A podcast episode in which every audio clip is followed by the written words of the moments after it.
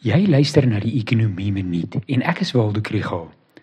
Op die vooraand van die kwartfinale van die Rugby Wêreldbeker toernooi was daar 'n debat op die platform vroeër bekend as Twitter oor die feit dat die derde meeste kaartjies in Nederland verkoop is. Is die Hollanders besig om 'n liefde vir rugby te ontwikkel of wat gaan aan? Dit het my laat dink aan die toeskouers op die paviljoene en hulle lande se ekonomieë. Meer spesifiek Wat kos 'n bier en dink mens nog aan die wisselkoers na die derde een? Hierdie episode word ondersteun deur die NWI Sakeskool. 'n Betroubare bron laat my weet dat 'n 500 ml bier kos 8 euro by die stadion en die eerste een moet jy ook 2 euro betaal vir die glas.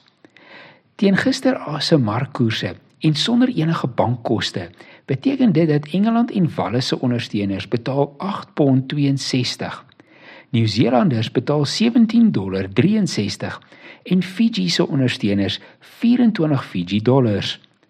Vir 'n Suid-Afrikaner skakel dit om na R200, maar dit is die Argentyne wat in die moeilikheid is op 3714 pesos vir 'n bier. Daar is natuurlik baie dinge hier ter sprake, onder andere dat hierdie markkoerse is en nie koopkragpariteitskoerse nie.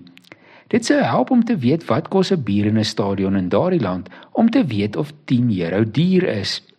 Ek het wel gedink dat 'n vergelykende maatstaf sou wees om te sê hoeveel ure moet iemand teen sy land se minimumloon werk om 'n bier te kan koop.